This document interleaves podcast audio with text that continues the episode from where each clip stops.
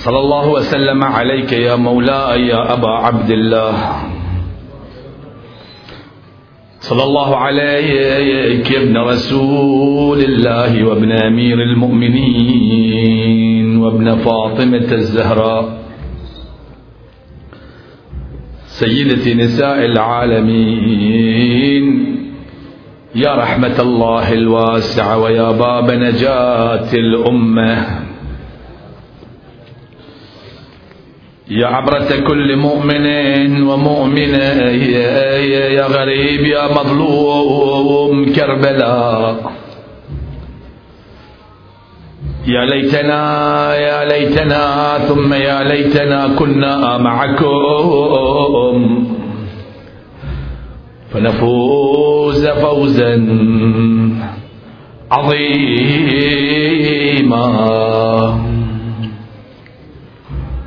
ولهفي لعترة آل الرسول. ولهفي لعترة آل الرسول غدت عن منازلها يا نازحة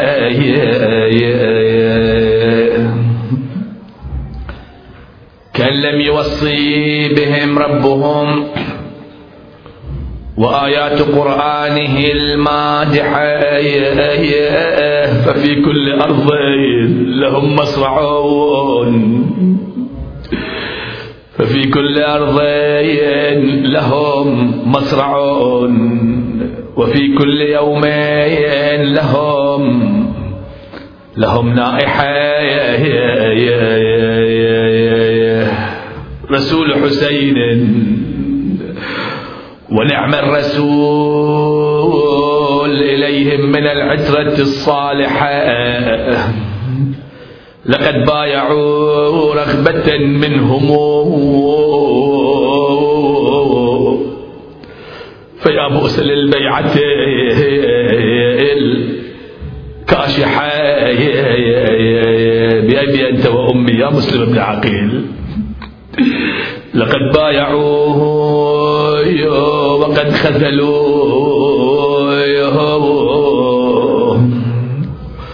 وغدرته يوم لم تزل واضحة فيا ابن عقيل فدتك النفوس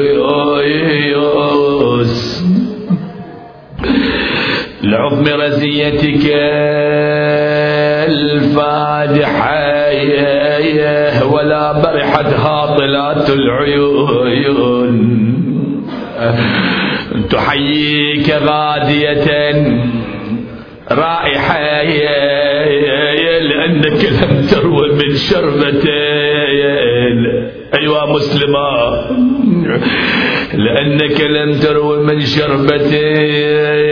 ثناياك فيها غدت. طائحة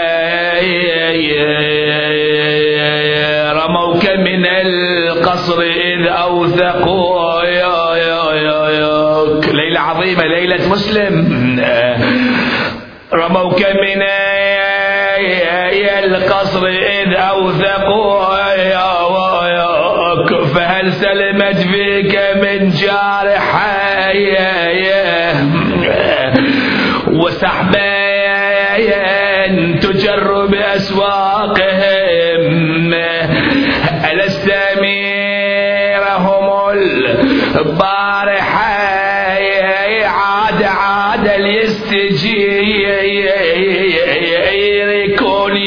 ينجر من شتل شريف حليف الشرف ينجر. عاد عاد اليستجير يكون ينجر من شتل حليف الشرف ينجر صدق مي شفت بالحبل ينجر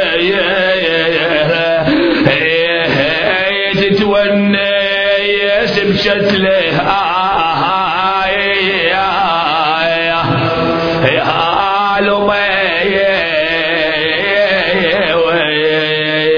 رفع صوتك مصيبتهم مصيبتهم مصيبة صدع الجبال ومن قبل المشي بالمشي بالشيب لا طفال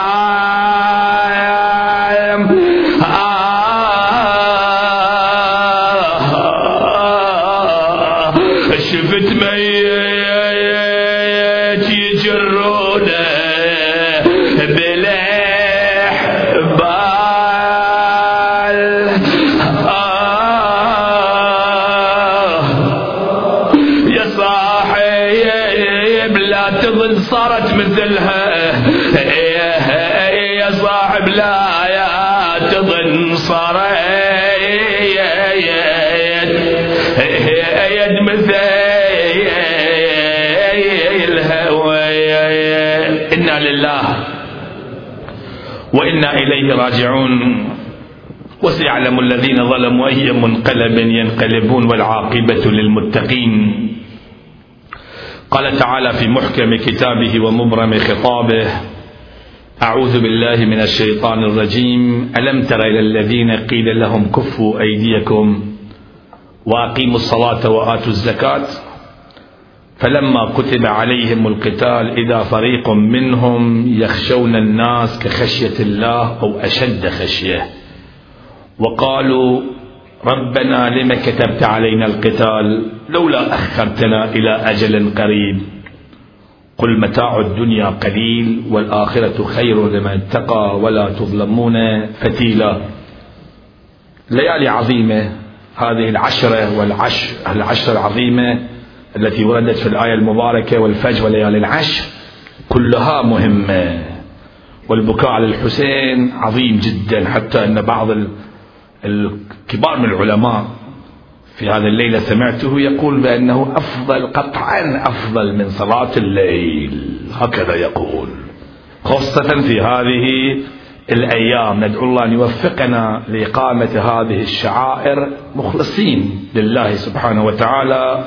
بحق الصلاة على محمد وآل محمد.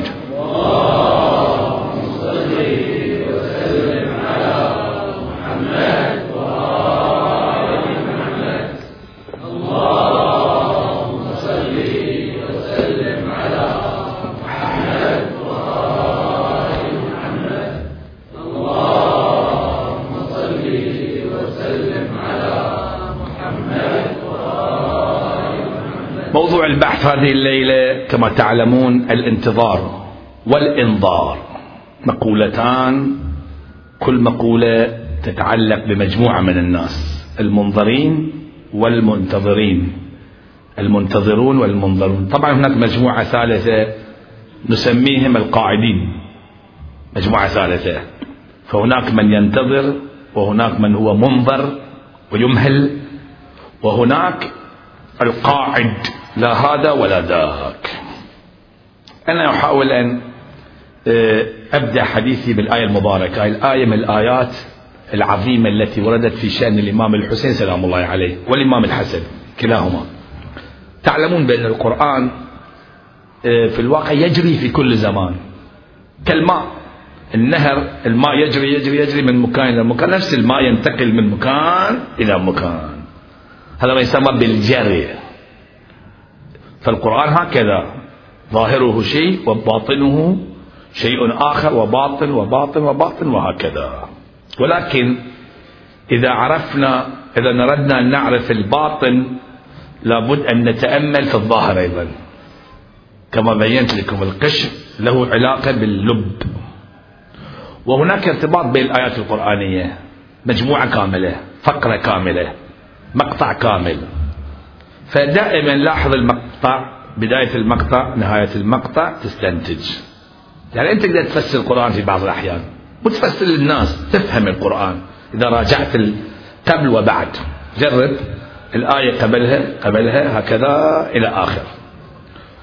فهناك آيات في سورة النساء تبدأ يعني المقطع يبدأ من هنا. وما لكم لا تقاتلون في سبيل الله. والمستضعفين من الرجال والنساء والولدان الذين يذكروا الذين يقول ربنا أخرجنا من هذه القرية الظالم أهلها واجعل لنا من لدنك وليا واجعل لنا من لدنك نصيرا. ثم يبين الخطين الذين آمنوا يقاتلون في سبيل الله والذين كفروا يقاتلون في سبيل الطاغوت. الطاغوت يشمل كل طاغوت في كل زمان. فقاتلوا أولياء الشيطان. إن كيد الشيطان كان ضعيفا. ثم يقول ألم ترى هاي الآية المباركة. وبعد هالآية يتكلم عن الموت كل نفس ذائقة الموت أينما تكونوا يدرككم الموت ثم يتكلم عن الحسنة والسيئة. نعم وآخر المقطع ومن يطع الرسول فقد أطاع الله. شو الارتباط؟ هاي المجموعة إذا تركز عليها تشوف تدل على قضية الإطاعة إطاعة الرسول وأن اللي يقول الرسول هو الصحيح اللي يسوي الإمام هو الصحيح. الآية تقول ألم ترى مثل ألم ترى كيف فعل ربك بأصحاب الفيل؟ ألم ترى ما تشوف؟ كأن الله سبحانه وتعالى يبي يبين لك هالمجموعة مجموعة غير منطقية. مجموعة يعني كلام عجيب وغريب يقولون. كلامهم مو صحيح. من البداية فيتهجم عليهم. ألم ترى الذين قيل لهم كفوا أيديكم؟ يعمل قتال وأقيموا الصلاة وآتوا الزكاة. خلاص ما تقاتلون يا جماعة. زين. شو سووا هؤلاء؟ هيبين أنه قالوا لا بنقاتل إحنا بتقاتلون تفضلوا. فلما كتب عليهم القتال إذا فريق منهم يخشون الناس كخشية الله أو أشد خشية منطقهم شنو؟ قالوا ما نقاتل إذا قلتوا بتقاتلون؟ شلون الحين؟ قالوا ربنا لما كتبت علينا القتال شوف التناقض في القول. لولا أخرتنا إلى أجل قريب بعدين نقاتل. ليش يقاتلون للدنيا هؤلاء؟ قل متاع الدنيا قليل. شوف هؤلاء أهل الدنيا. شأن نزول الآية المباركة طبعا مهم. دائما القرآن الآيات لها شأن نزول يعني كثير منها. شأن نزول الآية كما في التفاسير يقول كان ناس من أصحاب النبي صلى الله عليه وآله وسلم وهم يومئذ بمكة قبل الهجرة يسارعون إلى القتال فقالوا للنبي صلى الله عليه وآله وسلم ذرنا نتخذ معاول يعني مبررات يعني ذرائع. فنقاتل أو أشياء أجهزة. فنقاتل بها المشركين. يمكن إشارة إلى نوع من السلاح أيضا. وكان عبد الرحمن بن عوف في من قال ذلك. كان منهم؟ فنهاهم نبي الله. صلى الله عليه وآله عن ذلك في كتب العامة هذا موجود أيضا. قال لما قال لم أؤمر بذلك ولم أؤمر بذلك. فلما قامت الهجرة وأمروا بالقتال كره القوم ذلك. في المدينة قالوا ما نقاتل إحنا؟ زين في مكة بيقاتلون وفي المدينة ما بيقاتلون. يوم أمرهم الرسول ما قتلوا. هاي ظاهر الآية المباركة وطبعا ظاهر الآية مفهومة. الظاهر مفهوم ليس فيه نقاش. أما الآية تجري في مورد مهم جدا يتعلق بنا نحن في هذه الأيام. والروايات في هذا المجال كثيرة. مو رواية روايتين. من عدد من الأئمة عليهم السلام. أنا أقرأ لك الرواية الأول. هذه الروايات النورانية. ثم بعد ذلك أحاول أن ألخص الحديث في كلمات الرواية في هذا المجال بذكر لك بذكر لك ثلاث أحاديث. الحديث الأول في روضة الكافي. عندنا أصول الكافي عندنا فروع الكافي وعندنا شنو؟ روضة الكافي. مجلد واحد بس لطيف. عن محمد بن مسلم شخصية عظيمة. عن أبي جعفر الإمام الباقر سلام الله عليه قال والله الذي صنعه الحسن بن علي عليهم السلام كان خيرا لهذه الأمة مما طلعت عليه الشمس. هاي بالنسبة للامام الحسن سلام الله عليه. كان خيرا لهذه الأمة. والله لقد نزلت هذه شوف يحلف الإمام سلام الله عليه. ألم تر إلى الذين قيل لهم كفوا أيديكم وأقيموا الصلاة وآتوا الزكاة؟ يقول نزلت في شأنه. إنما هي طاعة الإمام. يعني إقامة الصلاة وإيتاء الزكاة إشارة إلى طاعة الإمام. حين دخل البحث. يعني صلوا مو تصلون أقيموا الصلاة وآتوا الزكاة. في الواقع النتيجة طيعوا الإمام. على أي حال ما بتكلم عن هذا الجانب. إن شاء الله في عندنا ليلة ليلة بحث عن استشهاد الصلاة. ربما ليلة التاسع إن شاء الله بين لك. ثم يقول وطلبوا القتال. فلما كتب عليهم القتال مع الحسين عليه السلام. انطبق على الإمام الحسين. قالوا ربنا لم كتبت علينا القتال؟ لولا أخرتنا إلى أجل قريب. أرادوا تأخير ذلك إلى القائم عليه السلام. فإذا الآية تنطبق على هؤلاء. مجموعة من الناس أو منطق هذا منطق في الواقع منطق جماعة اللي كانوا يعاتبون الإمام الحسن وبعدين يوم يجي قضية الإمام الحسين طلعوا حاربوا وقالوا لا في ناس عندهم هالمنطق الآن. يعني بنتكلم عن الصلح الإمام الحسن يقول لك ليش صالح؟ بنتكلم عن الإمام الحسين يقول ليش حارب؟ يا خوش زي قصة شنو؟ هؤلاء وراء الدنيا. لولا أخرتنا إلى أجل قريب. هاي أجل قريب. ببين لك ليش الأجل القريب إشارة إلى آه، دولة الحجة سلام الله عليه يبون يقاتلون هناك. طبعا الروايات في هذا المجال كثيرة. نعم لا أريد أن أشرح الروايات كلها ولكن في رواية الإمام الباقر سلام الله عليه ما قالت هذه الجملة بس الإمام الصادق يقول لولا أخرتنا إلى أجل قريب إلى خروج القائم فإن معه الناس والظفر. يعني الجماعة كانوا بصدد القتال في مكان وبالنتيجة شنو؟ ينتصرون. هاي الهدف كان. ولذلك الله سبحانه وتعالى يقول قل متاع الدنيا قليل. ليش تفكرون في الدنيا؟ حتى في القتال تفكرون في الدنيا ما يصير هذا الشيء. أما مع الحسين لا. مع الإمام الحسين الرواية عن أبي جعفر عليه السلام قال لو قاتل معه أهل الأرض لقتلوا كلهم. نعم أو كلهم. الكل ينقتل. غريب. لأن هناك عالم عجيب عالم العشاق. جاء أمير المؤمنين سلام الله عليه في كربلاء قال هنا مصارع العشاق. أي واحد يجي هناك فهم قالوا ما نروح مع الإمام الحسين. هاي الآية تنطبق على هالنمط من الناس. زين. وفي هذا المجال أيضا هناك رواية إنه في ذاك الزمن مو في زمننا ترى. بعض الناس يجي يحلل لك هالمواضيع يقول في زمننا؟ والله لازم نصالح ونسكت وما نتحرك. نعم أهل الدنيا. ويقول لنا الامام الحسن صالح يا جماعة؟ شو المنطق العجيب. أو نتدرج في الدعوة قليل قليل ليش؟ شوف النبي شنو سوى تدرج قليل قليل ليش تودي نفسك أنت عند زمن الجاهلية؟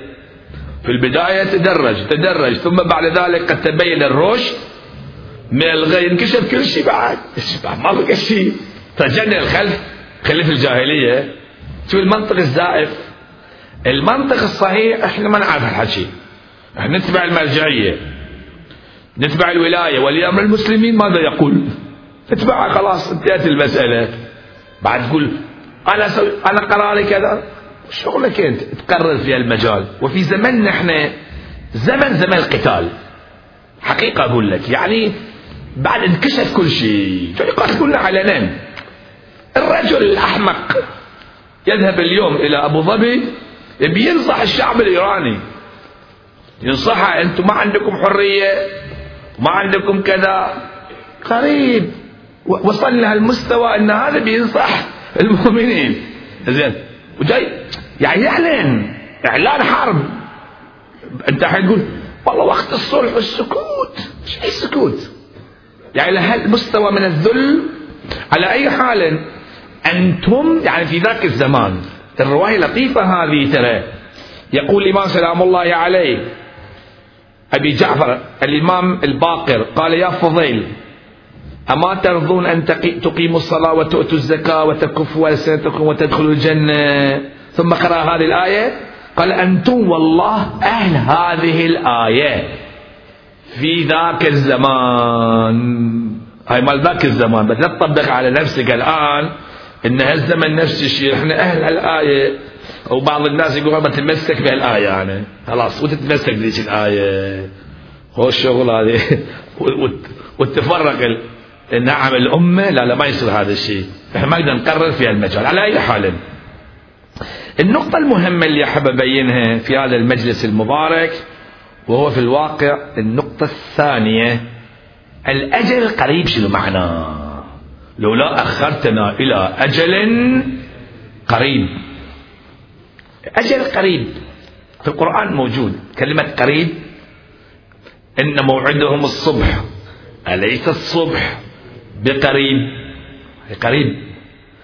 أو مثلا الفرج قريب. دائما نقول هكذا. حتى في آية قرآنية في سورة إبراهيم وأنذر الناس يوم يأتيهم العذاب.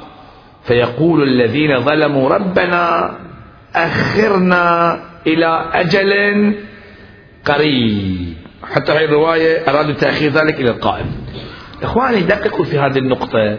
الانتظار. الانتظار طبعا شيء مقدس. والدليل على ذلك بأنه الإمام الحسين عندما يأتي إلى أصحابه يجلس عندهم يقرأ الآية المباركة. فمنهم من قضى نحبه ومنهم من ينتظر. يعني الانتظار مقام مثل اللي قضى نحبه. وما بدلوا مقام الانتظار مهم. قضى نحبه بينا في السنوات الماضية. أي وفى بعهده. والآن يقول أوفيت؟ أوفيت؟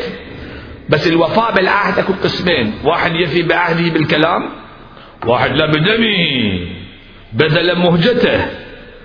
فمنهم من قضى نحبه يعني وفى بعهده بالدم. أوفيت فمنهم من ينت... الانتظار وايد مهم. انتظار الفرج. وإن تقول بأن الفرج بعيد هذا مو صحيح. الفرج شنو؟ قريب. شو المقصود من قريب؟ إخواني تقدموا اللهم عجل فرج قائم. آل محمد تقدموا. سووا طريق حق الناس بيجون.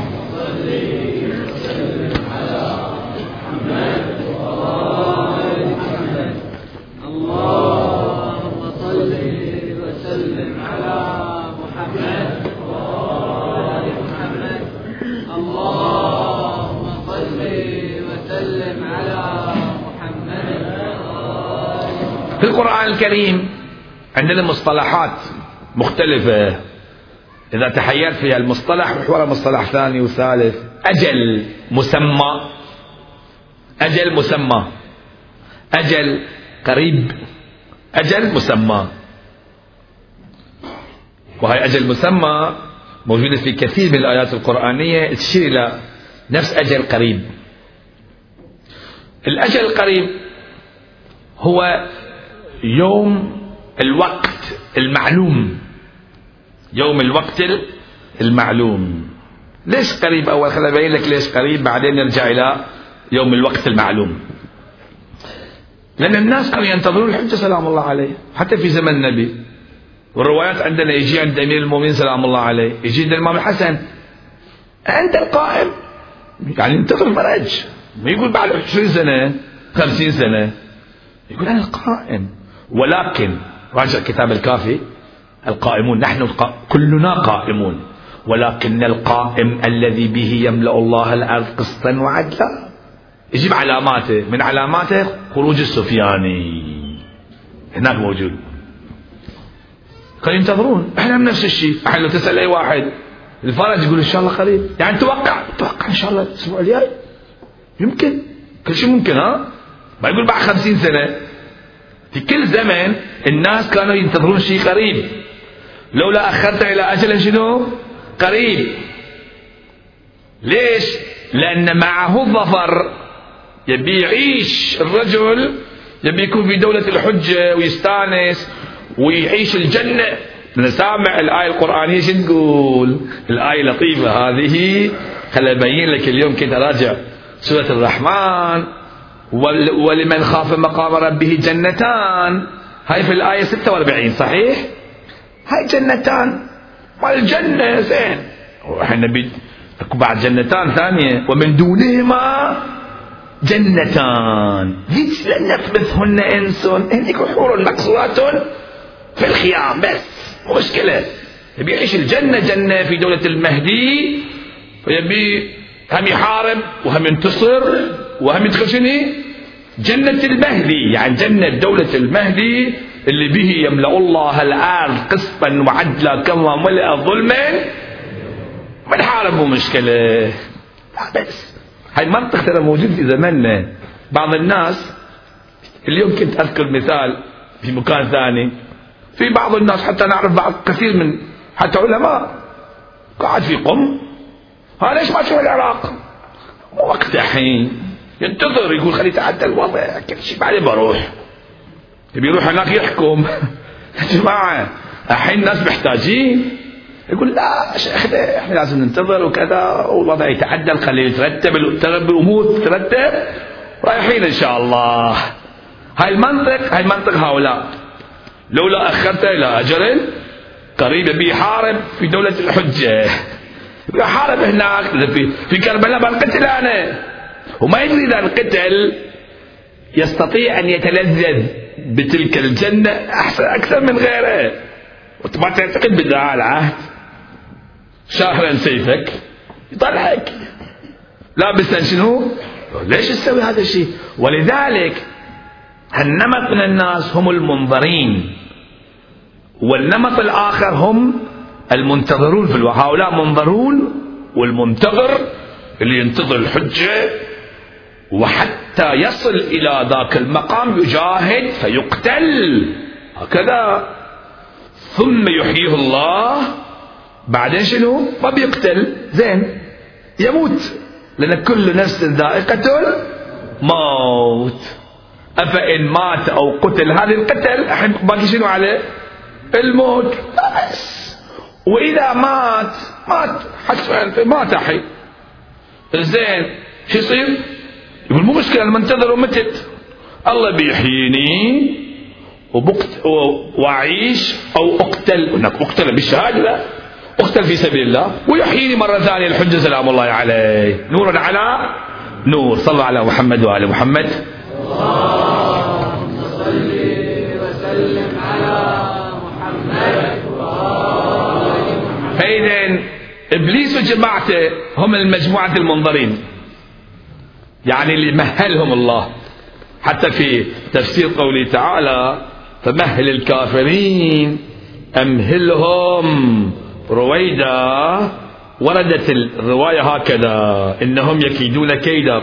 قال كادوا رسول الله وكادوا عليا وكادوا فاطمة قال الله يا محمد إنهم يكيدون كيدا وأكيد كيدا. فمهل الكافرين. أمهلهم رويدا لوقت بحث القائم فينتقم لي من الجبارين والطواغيت من قريش وبني أمية وسائر الناس. راجع التفسير تفسير برهان موجودة هذه الرواية هالنمط من الناس؟ نمط منبوذين ليس لهم قيمة. اللي واحد نعم يبي يترصد. هاي شيطان. إبليس هكذا. شوف إبليس منطقه منطق زائف. ومنطق خشن أيضا خشن. يقول نعم. قال أرأيتك هذا الذي كرمت علي؟ لئن أخرتني إلى يوم القيامة شو بسوي فيه شو بسوي فيه لأحتنكن ذريته. يعني أخنق كلش. هاي حنك. الحنك يخلنا تحت الحنك. نعم. يقول أخنق هكذا. يتعامل معنا هالطريقة ترى جاي يخنقنا بس ما نحس. ما نحس. كل يوم يخنقنا نجي نفسنا نجي في مجلس الحسين نطلع مرة ثانية هم يخنقنا هناك. وهكذا. ما يتحمل ترى الذنب في هالايام. إذا واحد يذنب تحسب أضعاف مضاعفة. خصوصا النظر للأجنبية أنا شوف أحمد مشيت كنت جاي إلا بنات متعطرات. حرام هذا الشيء يا جماعة. أو شباب مرتبين أمورهم يعني شوف الإمام الحسين طبعا سفينة النجاة بيخلصك ولكن مرة مرتين ثلاث اتركك تراها على أي حال أنتم الشيعة والشيعة الورق المرتف بالثمر يعني الورق إذا اصفر كل بس خليه يرجع يخضر. أما إذا اصفر ويبس وطاح شو فيه الحين؟ على أي حال ندعو الله أن يخلصنا من الذنوب. طبعا لا أخاطب الأخوة موجودين هنا أو في الخارج. بصورة عامة نحن تكليفنا أن نذكر هذه النقاط. ندعو الله أن يوفقنا لما يحب ويرضى وأن نكون مخلصين إن شاء الله بحق الصلاة على محمد وآل محمد. اللهم وسلم على محمد محمد فإبليس إبليس هو رئيس الشياطين. من الجن كان من الجن. جني؟ يقول قال ربي. هي سفيه لا؟ أمس قلت لك. وإنه قال يقول سفيهنا على الله شططا. سفيه. واللي يتبعها يكون سفيه أيضا. قال ربي فانظر فانظرني انظرني إلى يوم يبعثون. يبقى ليوم القيامة هذه الناس. قال فإنك من المنظرين. هيبينك المنظرين مو بس أنت. في ناس جماعتك كلهم الاباء السادلين إلى يوم الوقت المعلوم. يوم القيامة؟ لا لا. إلى يوم الوقت ال... هاي يوم الوقت المعلوم متى؟ هذا هو الأجل القريب. الرواية خلي أقرأ لك الرواية لطيفة واقعا في هذا المجال. روايات كثيرة عندنا من جملة الروايات.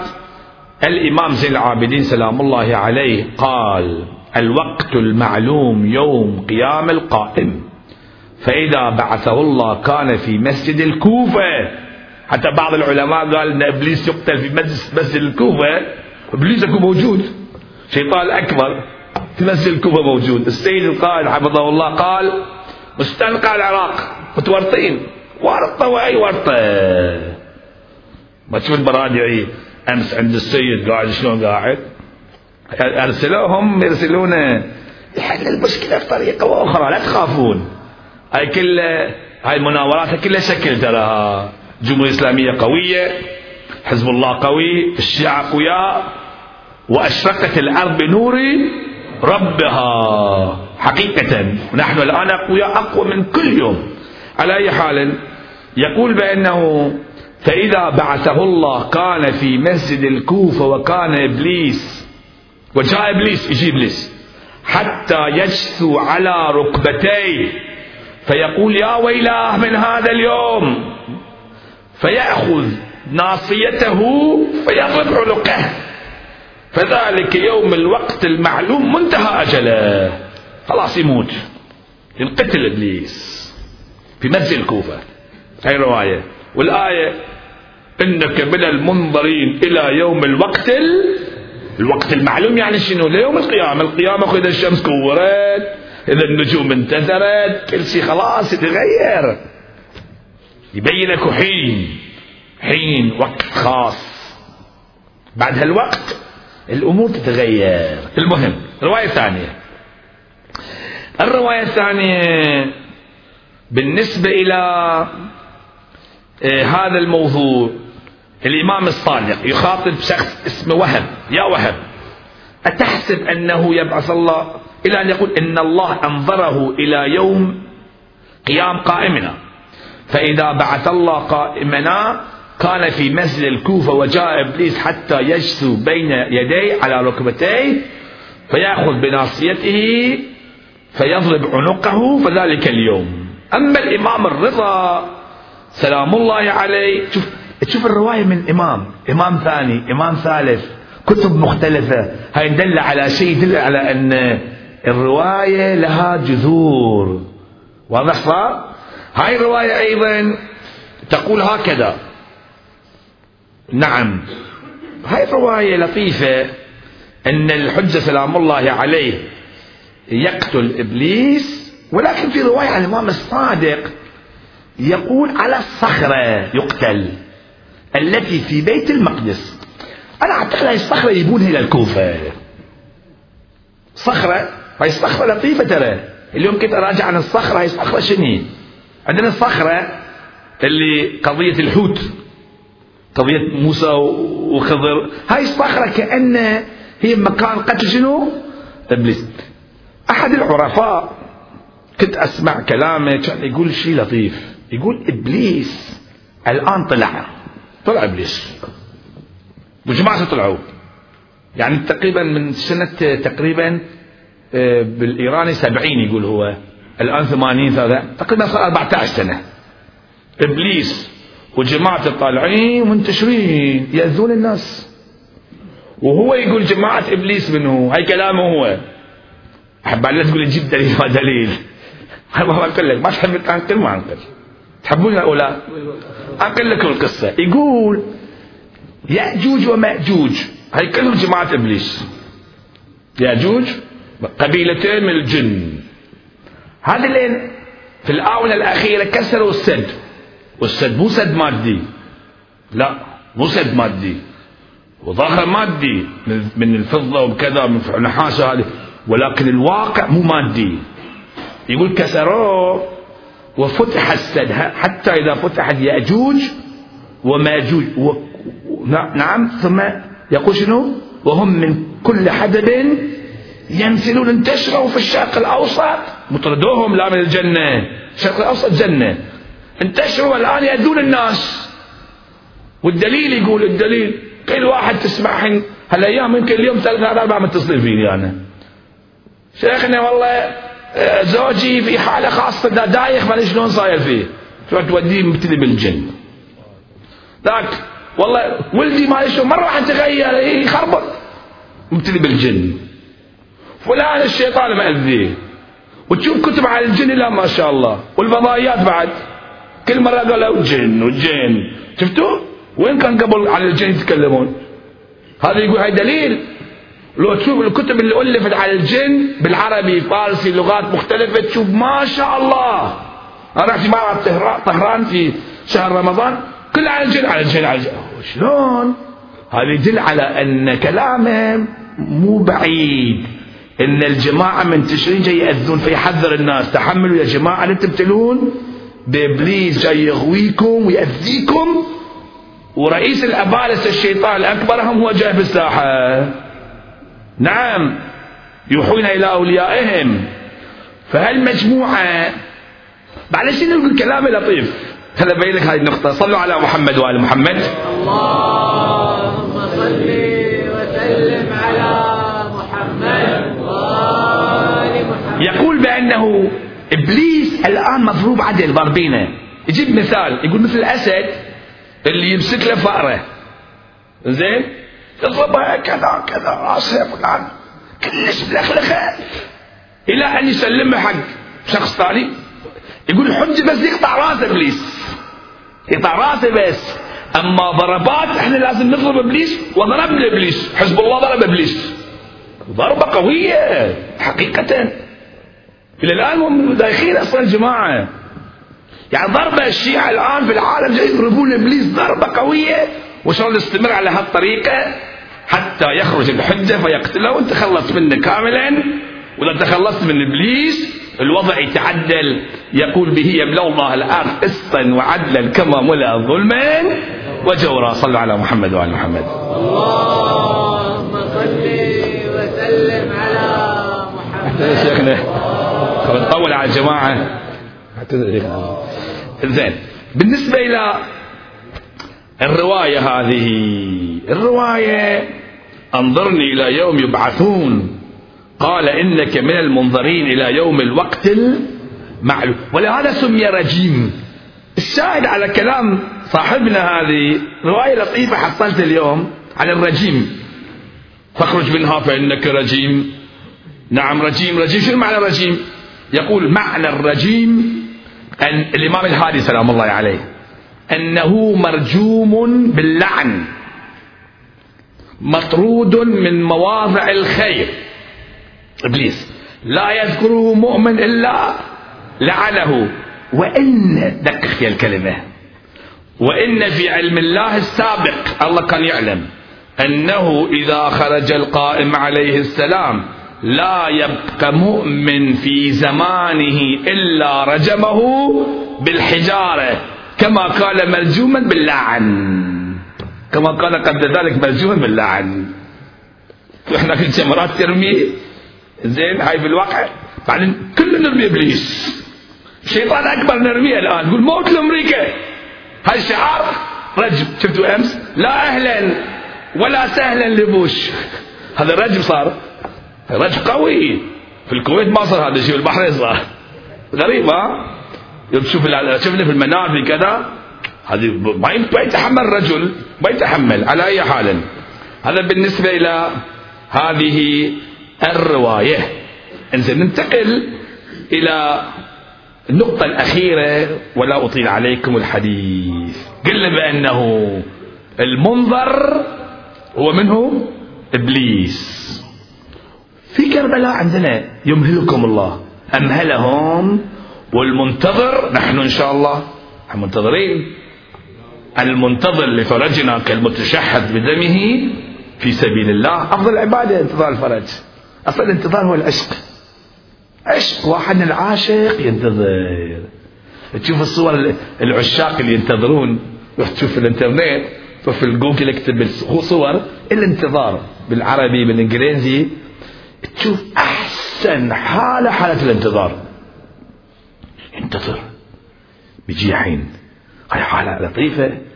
ال ال الزوجة تنتظر الزوج. الولد ينتظر ابوه حاله عجيبة. ذروة العشق الانتظار. الواحد ينتظر. عنده أمل. إحنا ننتظر. يعني المفروض الشيعي عنده هالحاله حاله الانتظار ألذ شيء. حقيقة ألذ شيء الانتظار. ذكرت هذا الشيء يعني بس مجلس مهم. أذكر لكم هاي النقطة. قبل حوالي ثلاث سنوات كنت في طهران. نص من شعبان. نفس المجلس دعوني الآن العشرة الثانية أقرأ لهم. نفس المجلس اللي كنت رايح نص شعبان.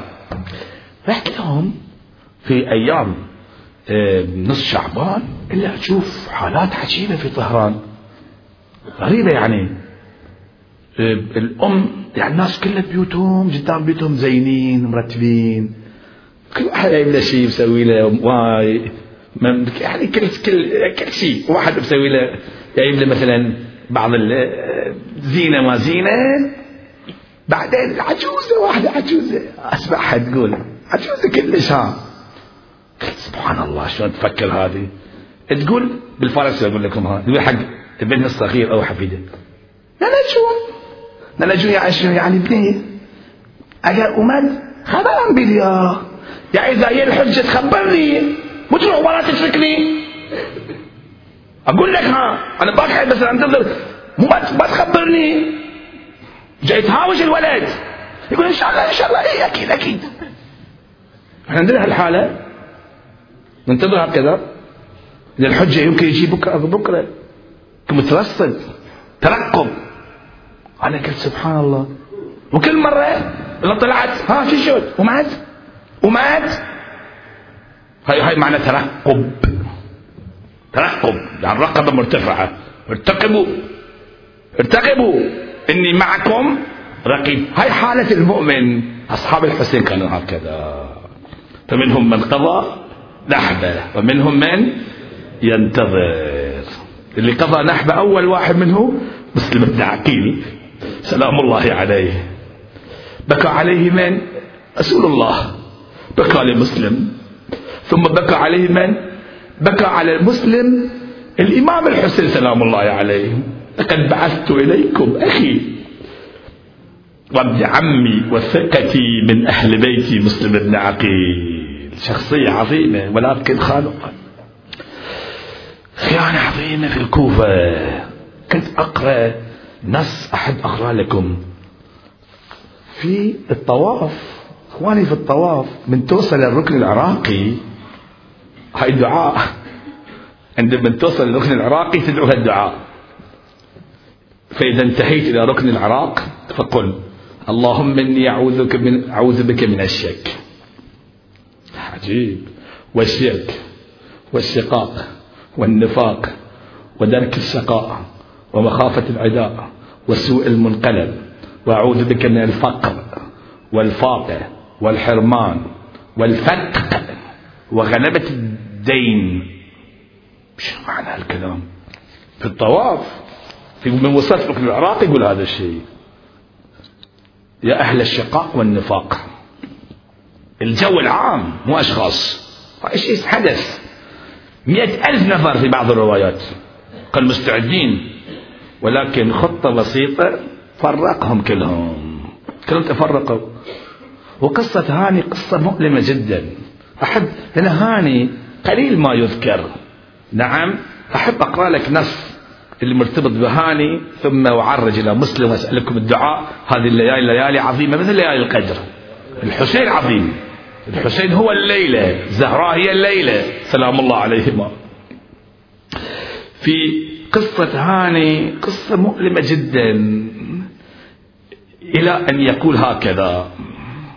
قال له ابن زياد عندما مسك هاني تعرفون شلون القصة وقعت؟ لا تفارقني أبدا حتى تأتيني به بمسلم. فقال لا والله لا أجيئك به أبدا. أجيئك بضيفي حتى تقتله؟ قال والله لتأتيني به. قال لا والله لا آتيك به. شوف المنطق. فلما كثر الكلام بينهما قام مسلم بن عمرو الباهلي. فقال أصلح الله الأمير خلني وإياه أنا بتكلم معه حتى أكلمه. شوف منطق هذا الإنسان فقام فخلى به ناحية وهما بحيث يراهما ابن زياد ويسمع كلامهما إذ رفع أصواتهما. يقصد. يقول جيب هاني؟ ويقول ما بجيب أنا. استقم كما أمرت. ومن تاب معك مع الحسين هؤلاء. أنا تذكرت نقطة يقول رسول الله شيبتني سورة هود. بس الحسين ما يقول شيبتني سورة هود.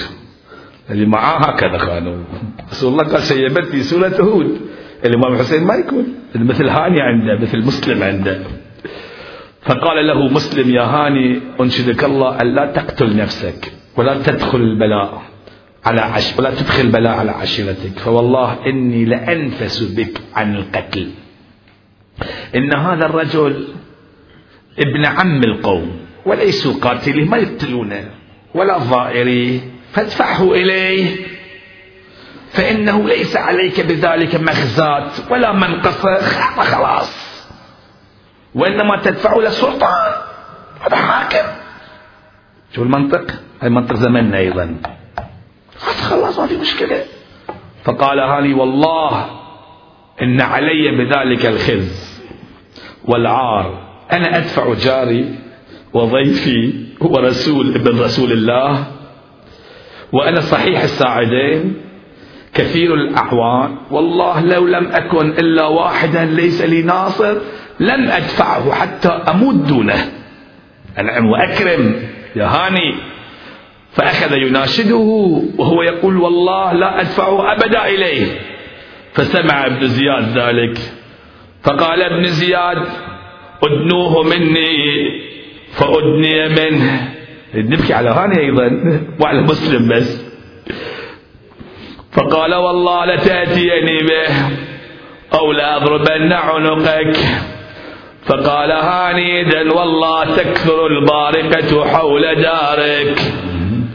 فقال ابن زياد والهفى عليك. أبي البارقة تخوفني. وهاني يظن أن عشيرته يسمعونه. ثم قال أدنوه مني. فأدني منه فاستعرض وجهه بالقضيب فلم يزل يضرب أنفه وجبينه وخده حتى انكسر أنفه وسيل الدماء. رحم الله من نادى يا أيوا حسينا. أيوا حسينا. وسيل الدماء على ثيابه. الحسين يحب يحب هاني. أول ما يذكر يا مسلم بن عقيل يا هاني بن عروة. وسيل الدماء على ثيابه. ونثر لحم خده وجبينه على لحيته. أيوا مصيبته فانكسر القضيب. فضرب هاني بيده إلى قائم سيف شرطي فجاذبه. ذلك الرجل فصاح ابن زياد خذوه فجروه حتى ألقوه في بيت من بيوت الدار وأغلقوا, علي وأغلقوا عليه بابه. فقال اجعلوا عليه حرسا ففعل ذلك به. فقام أسماء بن خارج إلى عبيد الله بن زياد وقيل إن القائم حسان بن أسماء فقال أرسل غدو أرسل أيها الأمير أمرتنا أن نجيئك بالرجل. هكذا يقول. نعم. حتى إذا جئناك به هشمت وجهه وسيلت دماؤه على لحيته. وزعمت أنك تقتله. فغضب ابن زياد. وقال وأنت ها هنا. ثم أم أم أمر به. فضرب حتى ترك وقيد وحبس في ناحية من القصر. فقال إنا لله وإنا إليه راجعون. إلى نفسي أنعاك يا هاني. أما مسلم بن عقيل ظلموه أي ظلم. تحير مسلم ماذا يفعل؟ أين يذهب؟ آه آه آوته طوعة مذ أتته والعدا. من حوله عدوا عليه تجول. الشاعر يقول السلمى حتى حتى كان يقتل الناس. شجاعة مسلم معروفة. كان يرمي الرجل على السطح. حتى أن ابن اشحث كان يقول أرسل أرسل. كان يمده يعني شخص واحد. قال أدعم زعمت أنك بعثتني إلى بقال من بقالي أو بقاقلة الكوفة أو جربقان من جرامقة الحيرة إنما بعثتني إلى رجل ضرغام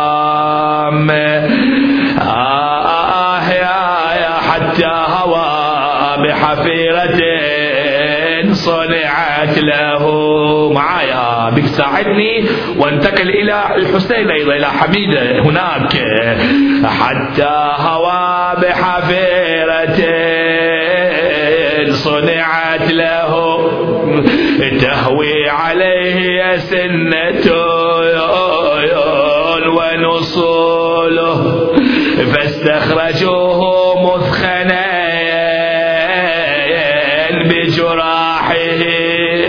حسينا أيوا مسلما والجسم من نسف الدماء. نحيل. وهو يفكر في الحسين يبكي ولكن لمن؟ للحسين. لأطفال الحسين.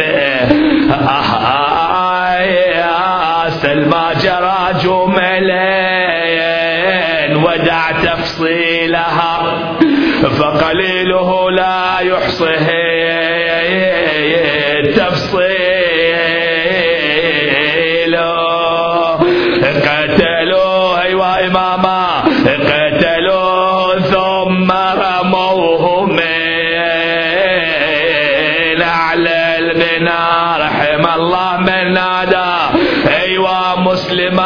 رفع صوتك. ايوا مسلمة. قتلوه ثم رموه من أعلى البناء وعلى الثرى سحبوه وهو قتيل. ربطوا برجليه الحبال ومثلوا فيه فليت أصابني التمثيل. والمصيبة العظمى هنا. مذ فاجأنا الحسين علت على فقدان مسلم. رنتان وعويله وله ابنة مسح الحسين برأسها وسكي وسكينة تنظر إلى الحسين وهو يمسح على رأس حبيبه. تعرف ماذا أريد أن أقول يوم الحادي عشر بالمحرم. عندما جاءت سكينة اعتنق ذلك الجسد المقطع. نادت صغر سني. السادة اعتذر أيها السادة. صعب على السادة تحمل هذه المصيبة. أصحاب الغيرة أيها الشيعة. الرواية تقول جاء الأعراب. الأعراب يعني الخشتين الجلفين سحبوها من على جسد أبيها. آه آه يا آه يا أبويا يا أبويا يا أبويا. ردت أنصب مناح الكفر من عوني. ليش عيوني من تدمع بشعب الرمح ضربوني؟ اي والله يا أبو اليمة عني خصاها يا يا أم الشايوني إن شاء الله في كربلاء بين الحرمين. عمت عيني يا حسين. عمت عيني ولا اشوفك شتيل ويجري دم نحريك. وأطفالك وأهل بيتك ضحايا مطرحه بكترك. اي عسات عقرت هالخيل. ولا داست ولا داست على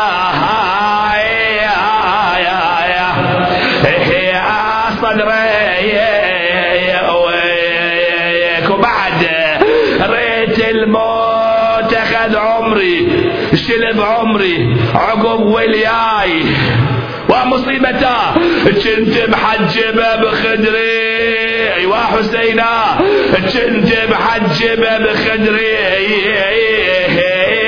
لاني مكتفة بحبال بين إخوتي بهبة وعز. لاني به